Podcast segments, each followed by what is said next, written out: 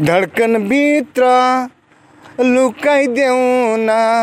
भित्री मनको परेलीमा त्रिपन्न वर्षका दिलीप कुमार महतो जीविकोपार्जनका लागि टाङ्गा चलाउनुहुन्छ। उहाँ र परिवारको सहारा बनेको छ एउटा सेतो रङको घोडा। घोडाको नाम हो विपना। टाङ्गा तान्दै चोकमा निस्कनु अघि विपनालाई दाना खुवाएर तयार पारिन्छ।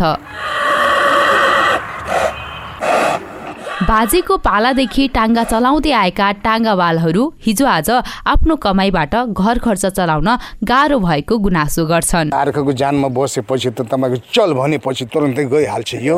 यसको नाम विपना हो। हजुरको नेपाली आयो भने त त्यो तपाईँको पोखरा काठमाडौँतिर आयो भने त नेपाली नै चढ्छ।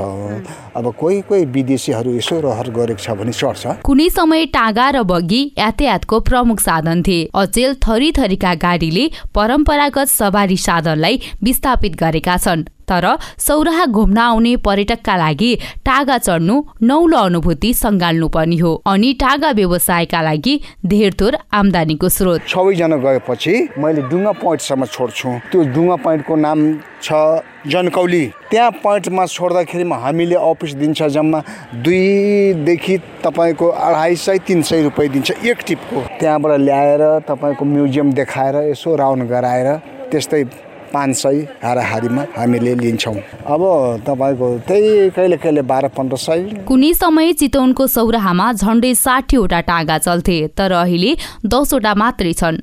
टागाको स्थान रिक्सा विद्युतीय रिक्सा र विभिन्न मोटर गाडीले लिएको छ जसले परम्परागत टाङ्गा व्यवसायलाई सङ्कटमा पारेको सञ्जय मुखिया बताउनुहुन्छ। सजिलो त कहाँ र अहिले सब गेसहरू प्राय जिप सफारीमै जान्छन्। कुनै कुनै यसो रहर लाएर चढ्ने मात्रै हुन्। सबै प्राय जिपमै जान्छन्। दिनभरि बस्यो बस्यो यसो एक दुई टिप लायो भने पाँच सात सय कमाइन्छ नत्र छैन। दिनभरि त्यस्तै। टाँगा सौराहाको पुरानो सवारी साधन थियो तर यसले आधुनिक सवारी साधनसँग प्रतिस्पर्धा गर्न नसक्दा क्रमशः विस्थापित हुँदैछ। टाङ्गा व्यवसायीहरू भने स्थानीय सरकारले टाङ्गा व्यवसाय व्यवस्थित गरिदिनुपर्ने बताउँछन्। Pabitra Parajuli CIN Bijay FM Nawalpur.